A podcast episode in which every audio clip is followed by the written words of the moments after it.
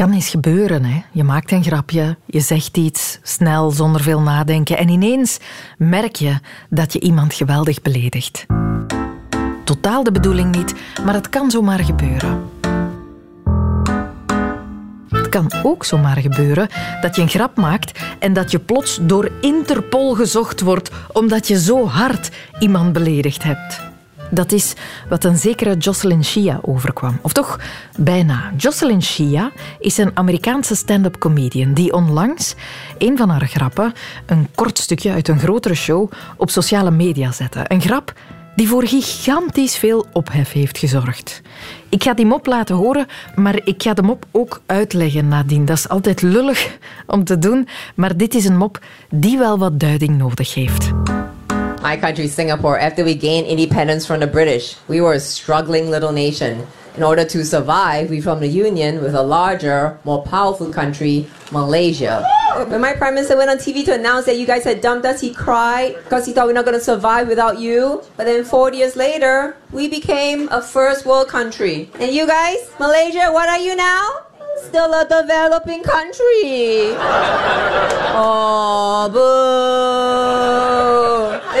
Best breakup revenge? Now Malaysia, y'all trying to come around like, hey, Singapore, you're looking good lah. and we're like, I know, but why haven't you visited me in 40 years? And you're like, oh yeah, I tried, but you know, my airplanes cannot fly. what? Malaysian Airlines going missing not funny, huh? Some jokes don't land.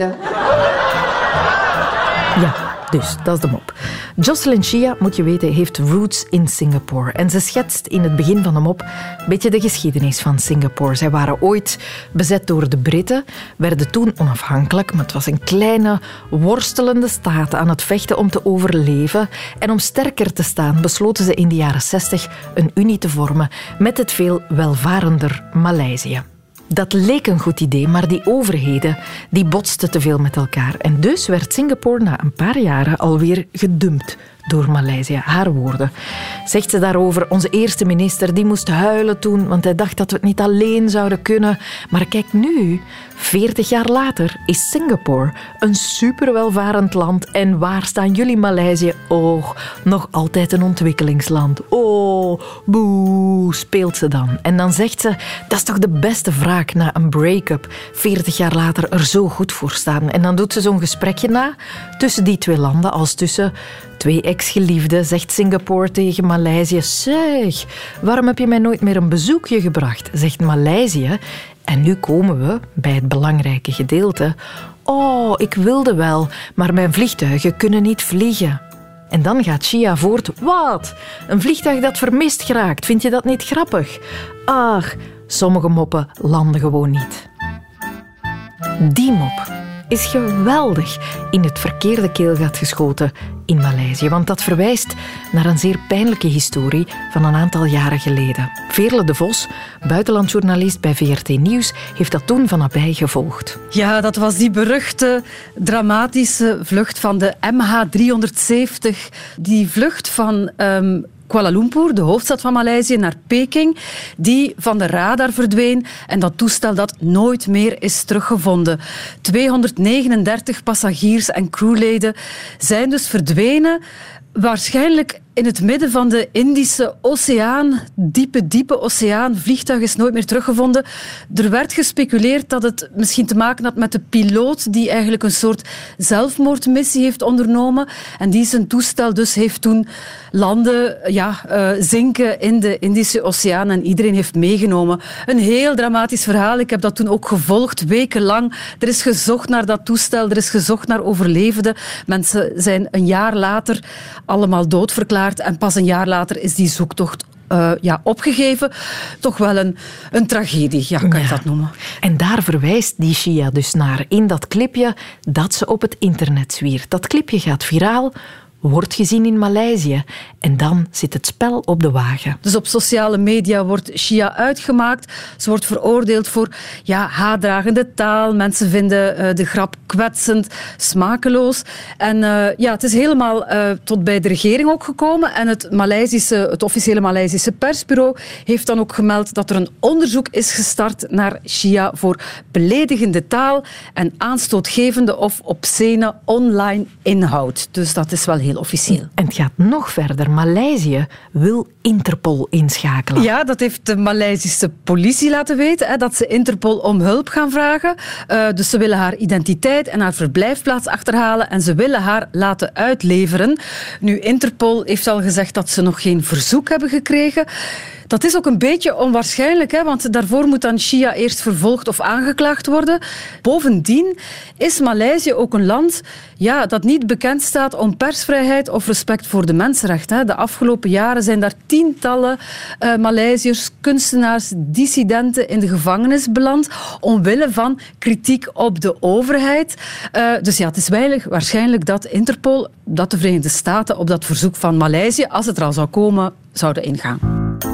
Mocht ik van haar zijn, ik zou niet meteen mijn volgende vakantie in Maleisië plannen. Toch niet in de eerstkomende pakweg 50 jaar. Niet alle grappen vallen goed. Maar hoe komt dat? Daar wil ik het over hebben. Welkom in de wereld van Sophie.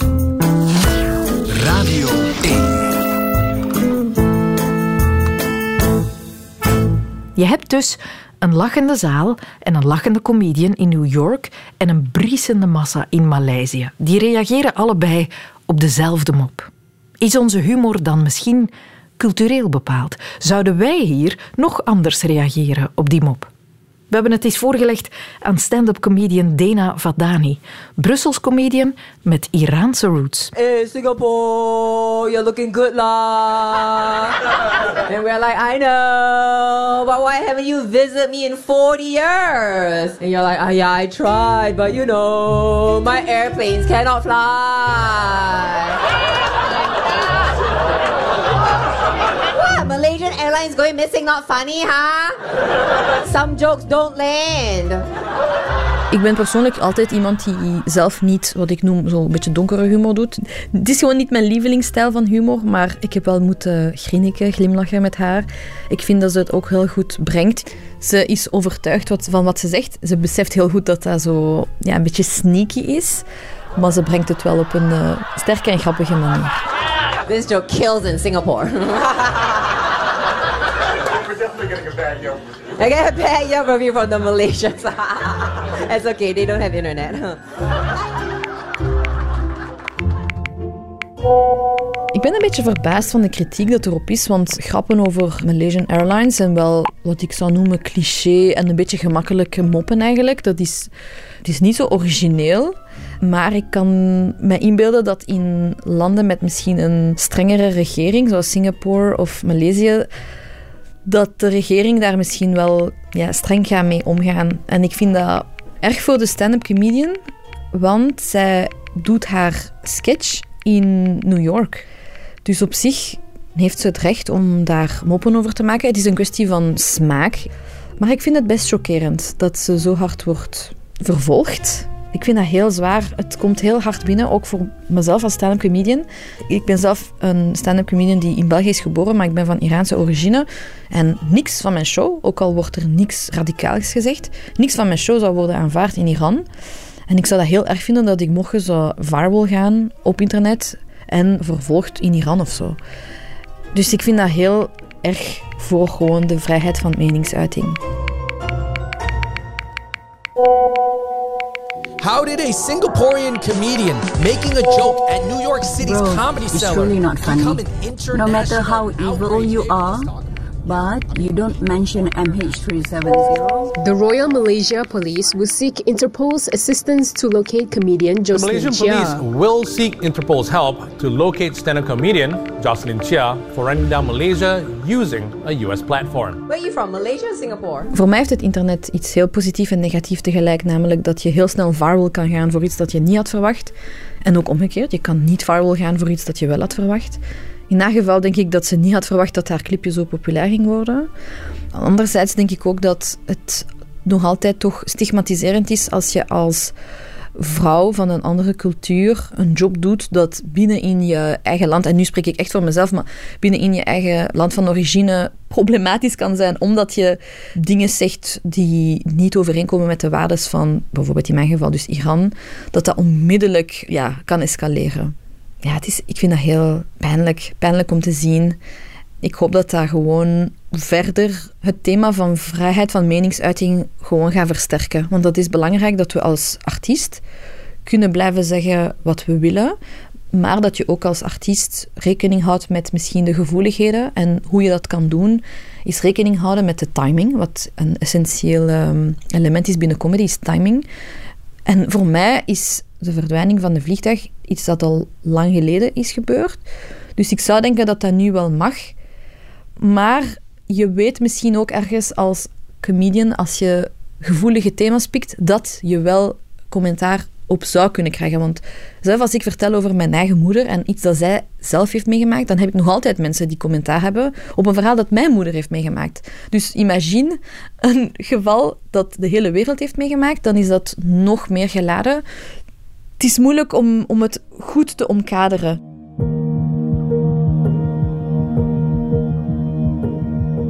Ik stel mezelf altijd de vraag, als ik een thema kies, wat is mijn doel?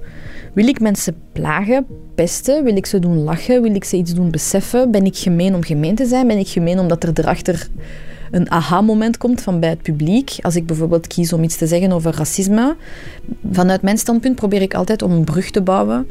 Als het gaat bijvoorbeeld om discriminatie, om het op een heel leuke, luchtige manier te brengen, terwijl het een heel zwaar thema is. Maar als ik te intens ga zijn, dan heb ik het gevoel dat mensen ook gaan dichtklappen en niet meer gaan willen luisteren naar wat ik zeg. En ik vind humor, dat is de kracht van humor. Je kan het hebben over zware thema's, maar op een toegankelijke manier. En dat vind ik echt het mooiste aan, aan stand-up comedy. Daarom ben ik zelf geen fan van zwarte humor, want dan denk ik, waarom kies je voor zwarte humor? Het leven is al soms zwaar genoeg. Als je daar bovenop ook nog zo donkere humor maakt, dan vind ik dat gewoon een beetje jammer. Maar dat is echt gewoon een persoonlijke keuze. Dat is gewoon een, een kwestie van smaak. In België merk ik dus echt dat er niet een voorkeur, maar mensen hebben zeker donker humor graag. Het is echt wel een populaire stijl. Het werkt heel goed. Ik denk dat het ook is misschien omdat we in Franstalig België, Vlaanderen denk ik ook een beetje, graag ho, ho, ho, zo lachen. In plaats van hahaha. Dus die, ze hebben graag de provocatie dat erachter zit. Zo'n beetje komen zo, hmm, zo spelen, zo ja, moppen maken over de koninklijke familie. En dan mensen zo, ho, ho, oh, een, mop over Delphine. Oh. Ik, herken ook in hoe dat ze lachen dat dat iets is dat ze leuk vinden, dat er zo'n beetje wordt uh, geprovoceerd. En ik denk ook dat dat is omdat je als comedian a priori ga je niet worden vervolgd omdat je lacht met de premier of omdat je lacht met de politie of uh, weet ik veel, omdat je lacht met een politieke partij. Meestal heb je zo ja, het publiek die zo, zo de, de ronde, ik noem dat de ronde ho, lach. Dus ja, het is cultureel en het is denk ik ook een uh, vorm van vrijheid van meningsuiting waar je weet, ik kan lachen met wat ik wil. En mensen vragen er ook naar. Soms krijg ik ook een commentaar van waarom doe je niet nog donkerdere jokes? En dan denk ik, dan zeg ik gewoon, ja, dat is gewoon niet mijn stijl.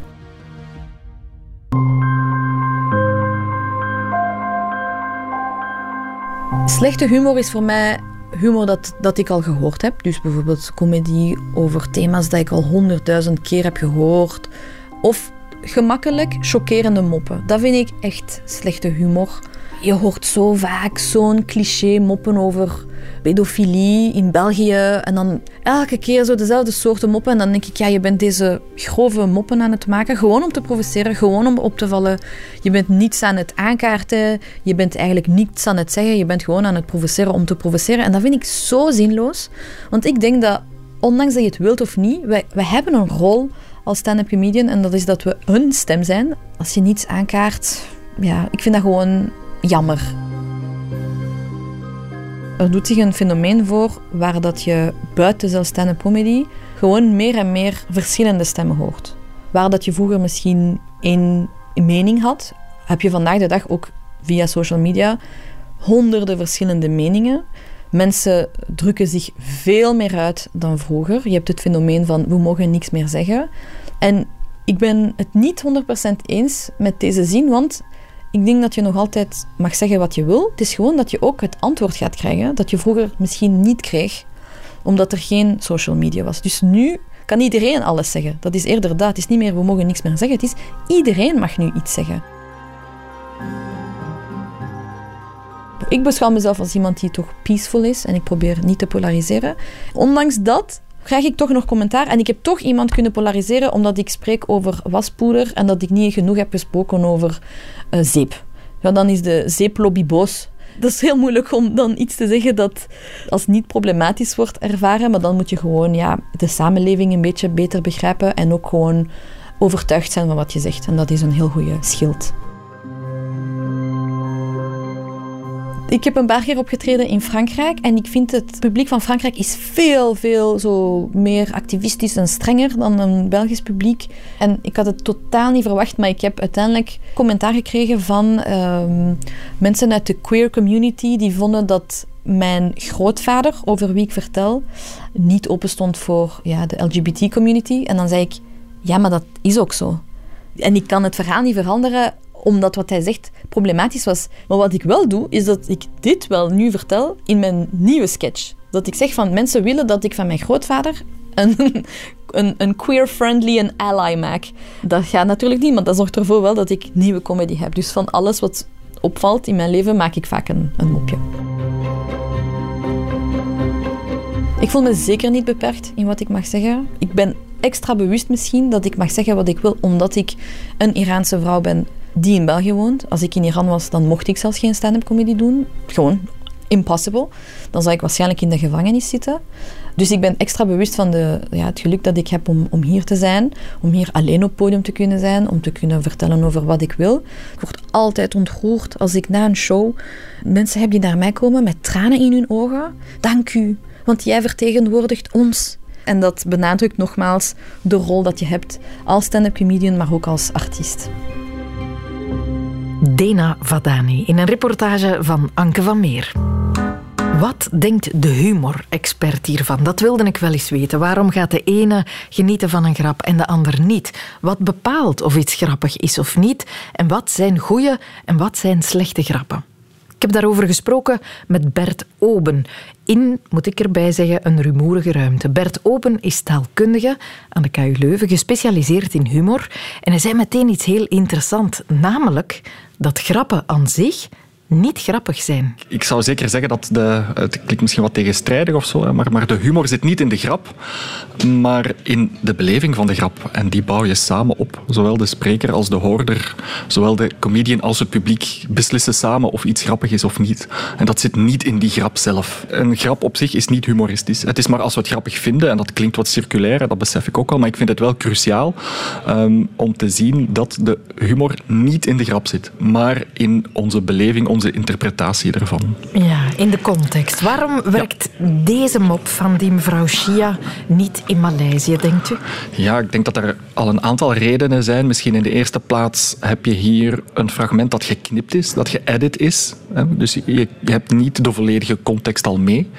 Ehm, dat zou al één reden kunnen zijn. Je hebt echt wel een hele snelle opeenvolging van ehm, gespeelde beledigingen aan het adres van Maleisië.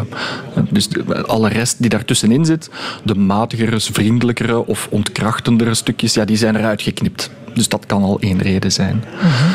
Ehm, ten tweede, ja, misschien heb je ook de context van ehm, het genre of zo niet mee. Hè. Dit, dit, kan een, een subgenre binnen die stand-up comedy zijn. Roasting, waarbij je um, echt wel iemand op het rooster legt, letterlijk, en er harde grappen over maakt. Als een genre, en als je dat weet, als je dat mee hebt, ja, dan ben je misschien wel wat vergeeflijker als publiek ten opzichte van die harde grappen. Omdat je vertrouwd bent met dat soort grappen Inderdaad, inderdaad. Als je hier zo'n een, een, de klassieke eindejaarsconferentie of zo, hè, daar weet je als politicus dat je door de gehaald zult worden. En dat je op het rooster gelegd gaat worden. Mhm. Zijn dat dan eh, harde beledigingen? Ja, daar, daar valt zeker over te discussiëren. Maar als je het genre kent, is het misschien al minder erg. En natuurlijk, ja, je eh, hebt het hier wel over het doelwit. Hè. Ehm, het, het zijn de mensen uit Maleisië die tot doelwit gemaakt worden van de humor hier.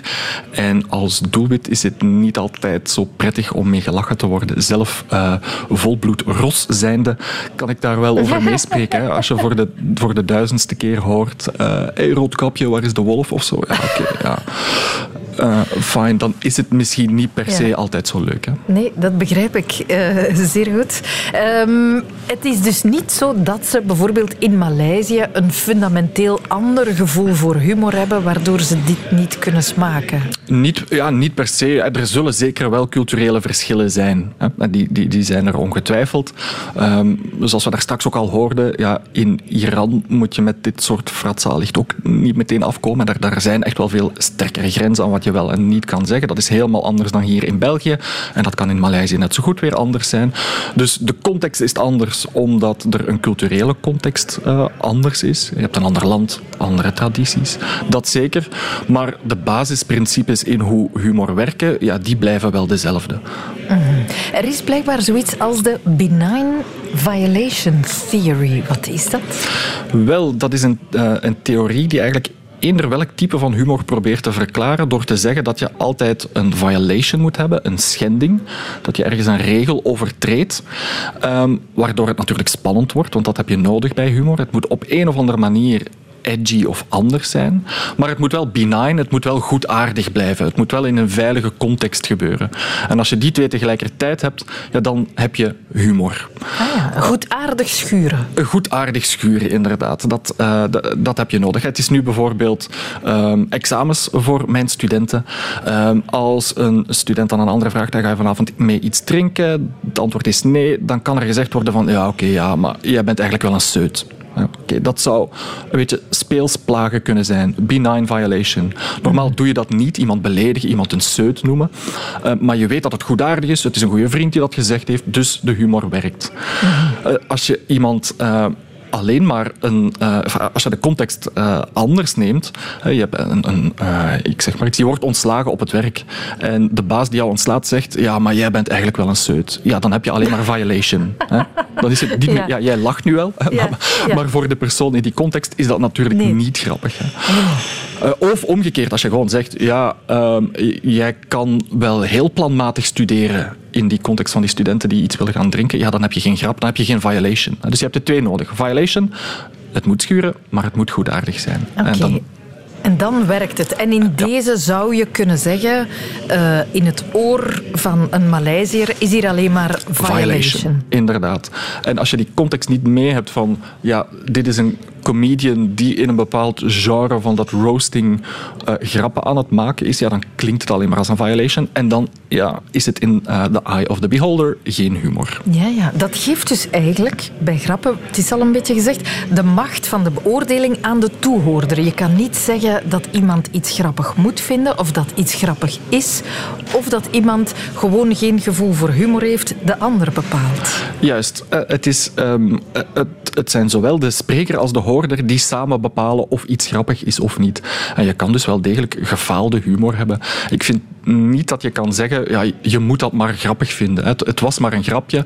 Eh, ik heb een grapje gemaakt en dus was het een grapje. Hm, daar ben ik het niet helemaal mee eens.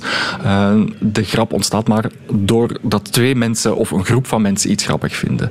En niet doordat, eh, doordat alleen de producent ervan zegt, ja, dit is een grap. Hoe ver gaat dan de macht van de toehoorder? Kan je ook zeggen aan de grappenmaker, jij mag deze grap niet meer maken? Ehm, dat heeft dan weer met iets anders te maken, want dan zou je iemand ja, de mond toesnoeren of zo. Hè. Zeggen dan, ja, jij mag, jij mag dit niet zeggen. Ik vind dat je hebt het recht om beledigd te zijn. Je mag iets niet grappig vinden en zeggen van, ja, dit is beledigd, maar je hebt ook wel het recht op vrije meningsuiting natuurlijk. hè. Je mag wel een grap maken waarvan iemand anders dan vindt dat het geen grap is. Zoals we daar straks ook hoorden, eh, op dit moment, eh, in, eh, dankzij de ontploffing op social media, heb je heel veel stemmen tegelijkertijd. Dan krijg je die tegenstem ook van, maar, wacht eens, ik vind dit helemaal niet grappig. En ik vind dat beide hun recht hebben. Naast elkaar mogen ze bestaan. Vindt Juist. u het zelf eigenlijk een goede grap? Goh, ja. En ik vind matig. Het was een kleine grinnik um, toen ik het voor de eerste keer hoorde. Het taalmopje, daar kon ik nog wel mee lachen. De joke doesn't land. Maar er wordt wel heel hard, um, ja, heel hard scheldwoorden gebruikt. Fuck you Malaysia, fuck you Malaysia. Mm, dat harde type van weinig creatief gespeeld schelden dat kan niet meteen op veel bijval rekenen bij mij. Ja, een comedian uh, die grappig wil zijn, die moet dus in eerste instantie vooral uh, het talent hebben om een context snel te lezen, te begrijpen en zich daaraan aan te passen. Ja, dat klopt. Ik denk dat je dat bij jezelf ook wel herkent. Als je uh, na een fijne avond op café uh, hilarische dingen meemaakt, liever op café, en je probeert, je probeert het volgende ochtend aan je partner opnieuw na te vertellen, ja, dan is de grap eh, dood. Hè. Je had erbij moeten zijn. Je had to be there. Dus dat moet je als comedian zeker kunnen doen. Hè. Read the room. Je moet weten wat er kan en wat er niet kan. En daarop inspelen. En dat is eigenlijk iets dat we um, ook als niet-comedians voortdurend doen. Ja? Als we in gewone spontane gesprekken met elkaar humor gebruiken, want dat is net waar wij onderzoek aan doen in onze onderzoeksgroep, die spontane gesprekken, dan zijn we daar eigenlijk voortdurend mee bezig. Een inschatting maken van wat de andere leuk gaat vinden en wat niet. En daar een goed evenwicht in zoeken. Het feit dat we zo vaak discussiëren over humor wijst er ook wel wat op dat we het belangrijk vinden. Zijn mensen geboren grappenmakers eigenlijk? Ik zou zeggen van wel. Als ik kijk naar onze gesprekken die wij uh, door onze studenten laten opnemen en dan analyseren, die zijn zwanger van humor, vol zwanger van humor. Daar, daar wordt ontzettend vaak kleine grapjes, plaagstoten, uh, hypothetische situaties zich inbeelden. Dat doen we voortdurend. Dus ik denk wel dat we geboren zijn met een, uh, een gevoel voor humor, net omdat het een hele belangrijke sociale functie heeft, bijvoorbeeld.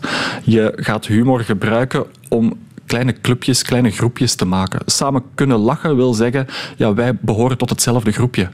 En uh, net dat is een van de belangrijkste redenen voor ons gedrag, voor de dingen die we doen. We willen graag tot de juiste clubjes behoren, tot de juiste sociale groepjes. En humor is daar één instrument voor. Zot interessant vond ik dat. We zijn allemaal humoristische wezens. Alleen lezen we de context niet allemaal op dezelfde manier. En dus kan het eens gebeuren dat een mop slecht valt.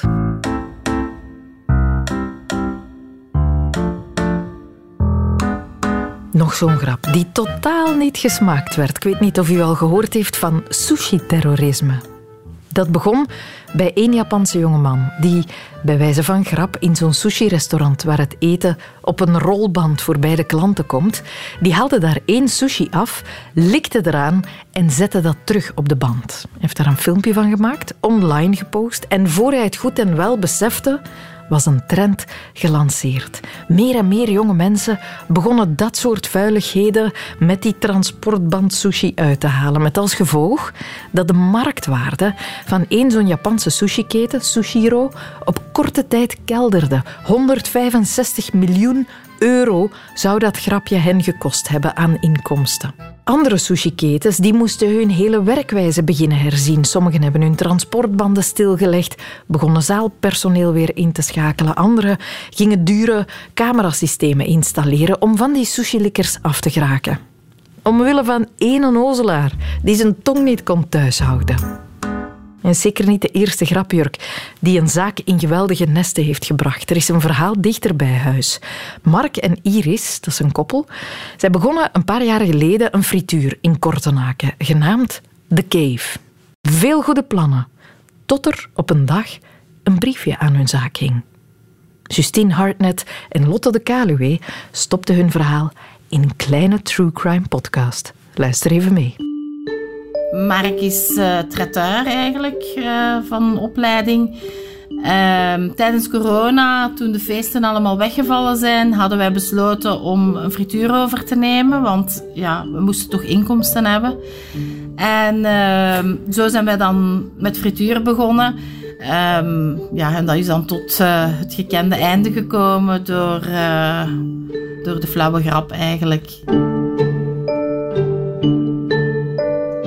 Bepaald moment waren wij een week in verlof. En uh, Mark die komt toevallig s morgens om 7 uur, omdat we omdat daar iets moest gaan doen, komt hij om 7 uur s morgens aan het frituur. En daar hangt daar een brief op met het officiële logo van het FAVV. En uh, het hing langs de buitenkant. Dus, uh, en daar stond in dat de zaak gesloten was wegens onhygiënische toestanden. Um, en uh, ja, hij belt mij op en hem zegt, zeg, ik zei, ja, uh, dat is zo raar, die mogen dan niet zomaar sluiten. We hebben geen controle gehad of niks. Dus um, Mark is dan daar gebleven in het frituur en die heeft dan beginnen rondbellen naar de FAVV en zo. Ik moet zeggen dat de mensen van het FAVV daar absoluut niet konden mee lachen, want uh, misbruik maken van een officieel logo, um, dat is niet zomaar een lachertje.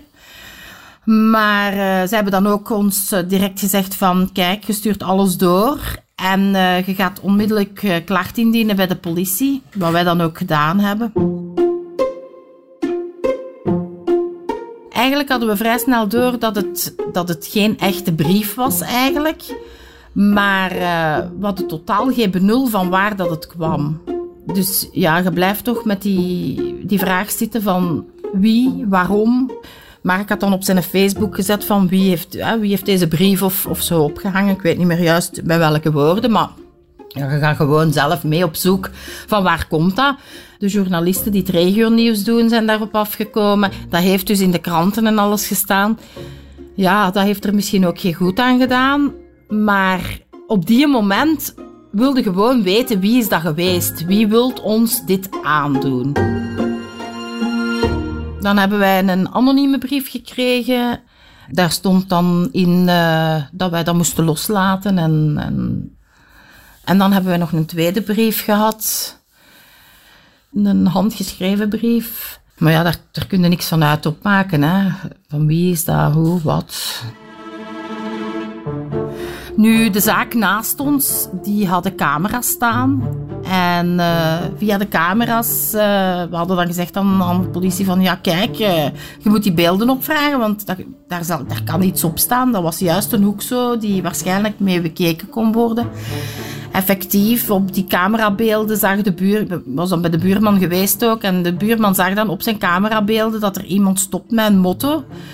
Um, die houdt zijn helm wel aan, gaat naar de garagepoort van de zaak, hangt daar een papier op en stapt zijn motor terug op. Maar uh, die flauwe plezante was dus wel vergeten dat hij ook een nummerplaat heeft op zijn motor en die was wel leesbaar. De politie heeft daar dan uh, het nodige voor gedaan om te weten wie, van wie dat, dat was. Ze hebben hem gecontacteerd via een schrijven dat hij zich moest aanmelden op de politiediensten. En daarop heeft hij Mark gecontacteerd om te zeggen dat hij Mark onder vier ogen wou spreken uh, en dat het uh, belangrijk was. Mark is naar de afgesproken plaats gegaan. Um, daar heeft hij eerst zo geprobeerd met wat koetjes en kalfjes boven te halen. En um, eigenlijk heeft hij dan op een moment gezegd van... Ja, die, uh, die brief, dat ben ik geweest. Nu, dat is een heel misplaatste grap geweest, want dat heeft ons doen besluiten van we stoppen gewoon met de zaak. In plaats van er nog energie in te steken om er uh, een betere zaak van te maken. Ja, hebben we gewoon gezegd van we stoppen ermee. We hebben ons een foodtruck aangeschaft en we zijn met de foodtruck beginnen uh, terugwerken. Corona was ook voorbij op die moment. Dus wij konden terug uh, inzetten op, op feesten en we doen dan vooral barbecues en zo. Um, maar ja, dat blijft toch nog uh, regelmatig nazinderen bij ons, moet ik zeggen. Nu dus, die persoon bekent dat. En uh, eigenlijk was de vraag, toekoor, om alles uh, onder de mantel der liefde te stoppen en met een schone lei te beginnen, te herbeginnen. Nu, we waren serieus gechoqueerd daardoor ik heb, we hebben nooit geen excuses gehad. Ik, heb nooit, ik persoonlijk heb nooit geen enkel woord van hen gehad. Ik mocht dus niet bij dat gesprek zijn. En uh, ik heb ook heel duidelijk gezegd van kijk, die zaak die is van ons beiden. En ik vind dan ook dat ze zowel naar Mark toe als naar mij toe uh, wel een keer een woordje uitleg mochten geven. Maar dat is, uh, nee, dat is allemaal niet nodig. Um, wij zouden dat gewoon naast ons neer moeten leggen allemaal. Maar als je echt gekwetst bent door iemand, dan uh, gaat dat zomaar niet. En ja, ik vind dat ook geen grap eigenlijk. Op, op dat niveau, dat is geen grap niet meer. Ik denk eerlijk gezegd niet dat hij spijt heeft. Want als ik ergens spijt van heb, dan heb ik ook het karakter om die mensen te benaderen en om mij oprecht te verontschuldigen. En anders dan kun je het geen spijt noemen.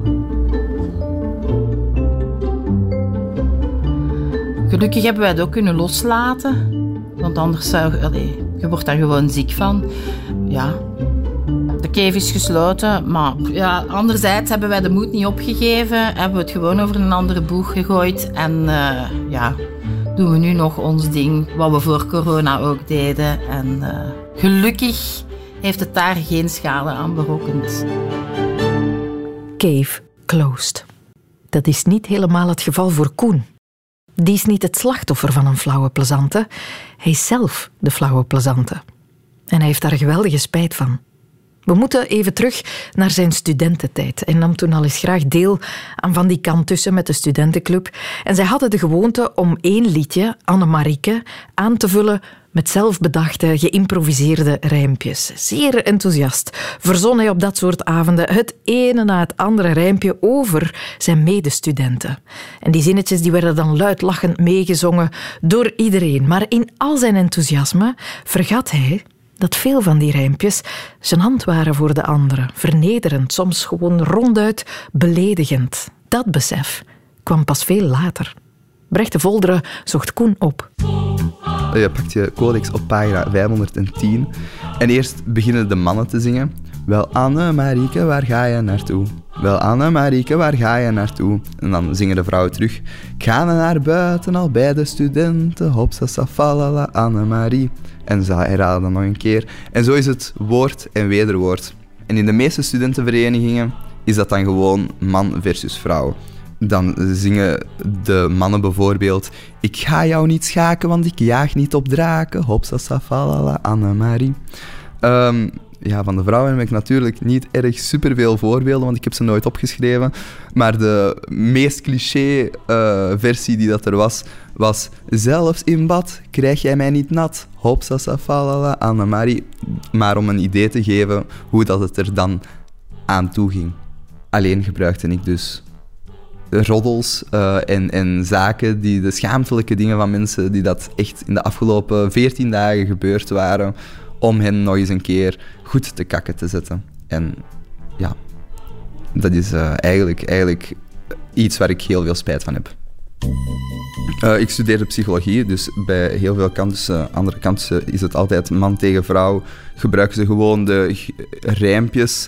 Um, waarbij dat het altijd man tegen vrouw is. Hè? Dus mannen die dat uh, zingen over vrouwen, dat ze, dat ze meestal niet zo mooi zijn, of, of dat, ze, dat ze liever met hun zus zouden gaan, dat soort zaken. En vrouwen die dat dan natuurlijk altijd zo van die steken gaven, dat, dat mannen hun niet konden plezieren.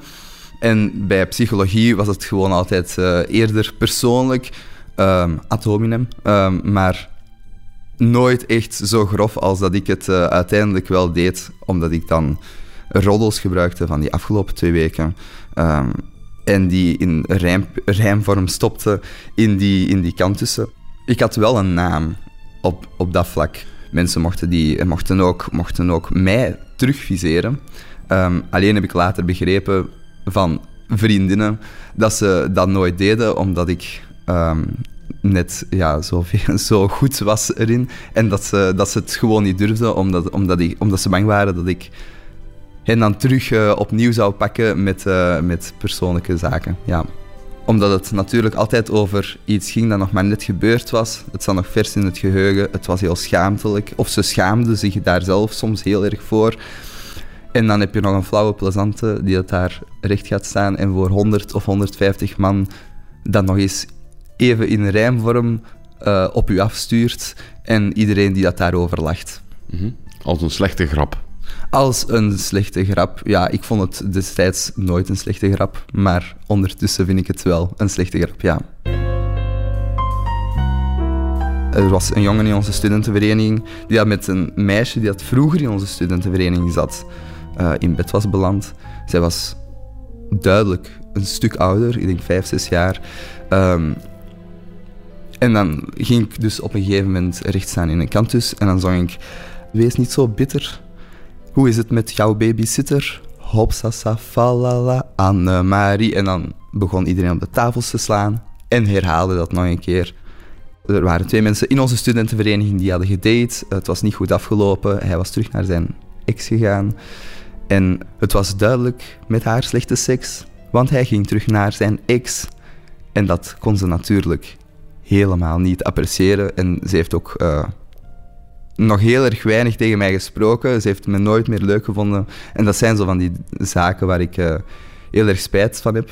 En ik denk op de laatste campus die ik ooit heb bijgewoond, um, was er een eerstejaars die dat echt wel uh, ook, ja, dat was, ik was daar Peter van, dus dat was, uh, die, dat was, ik had daar een goede band mee eigenlijk. Um, en die had op die maandag voor die campus had hij uh, een, een schaamtelijk moment gekend. Ze was heel erg dronken geworden. Ze had heel erg veel jongens gekust. Wat natuurlijk absoluut mag als je 18, 19 jaar bent. Maar uh, ik, ik ben toen tijdens die campus rechtgestaan. En ik heb toen iets gezongen in de trant van... Je had haar maandag eens moeten zien. Ze stopte niet eens bij tien. Hopsasa, falala, Annemarie. En ze was uh, ja, daar heel erg, heel erg boos over. Ook opnieuw. Um, iemand waarmee ik nadien nooit meer heb gesproken. Omdat ze het natuurlijk abs absoluut niet kon appreciëren dat ik iets zo recentelijk, zo schaamtelijk, zo in het openbaar heb gebracht. Op een, op een ook nog eens heel erg grote campus met heel erg veel aanwezigen. Dus ja, er zijn mensen die echt niet met mij door één deur kunnen ik denk dat die Annemariekes daar heel erg veel hebben toe bijgedragen. Um, persoonlijk, via, via vrienden, heb ik uh, gehoord van sommige mensen dat, dat, ik, dat ik er dingen over heb gezongen waarmee dat ze toch wel langer mee hebben geworsteld dan ik ooit heb gedacht. Het is, ik kan zelfs hier, allee, het is bijna nationaal mijn excuses aanbieden hier dat ik, dat ik zou doen, maar ik zou het liefst persoonlijk doen met al die mensen. Maar ja. Ze waren een beetje bang van nu. Maar het lijkt alsof je nu uh, er zelf een beetje mee zit. Ja, ik vind het gewoon echt super jammer. Dat ik andere mensen zo heb gebruikt om er zelf beter uit te komen. Um, ja, ik, ja, het is echt gewoon dat waar ik, waar ik nu een beetje mee zit. Um, ik ben ook heel erg blij dat ik tegen sommige mensen um, echt persoonlijk nog mijn excuses ga kunnen aanbieden, maar tegen sommigen ga ik dat nooit kunnen doen ik denk dat je, dat je leert uit af en toe een grens te overschrijden. Maar het is wel heel erg jammer dat dat ten koste van anderen is geweest. Dat, dat, dat moet je gewoon niet doen. Dat is... Slechte humor. Ja, dat is eigenlijk gewoon slechte humor. Hè. Daar, hebben we, daar had Sofie het uh, uiteindelijk over. Um, het, zal, het zal voor heel veel mensen wel grappig zijn, maar voor de ontvanger kan dat net helemaal niet grappig zijn. Kan dat net helemaal anders binnenkomen. En daar heb ik gewoon uh, heel erg weinig bij stilgestaan tijdens mijn studententijd. Nationale excuses van Koen aan zijn ex-medestudenten. Beter laat dan nooit. De wereld van Sophie. Radio 1.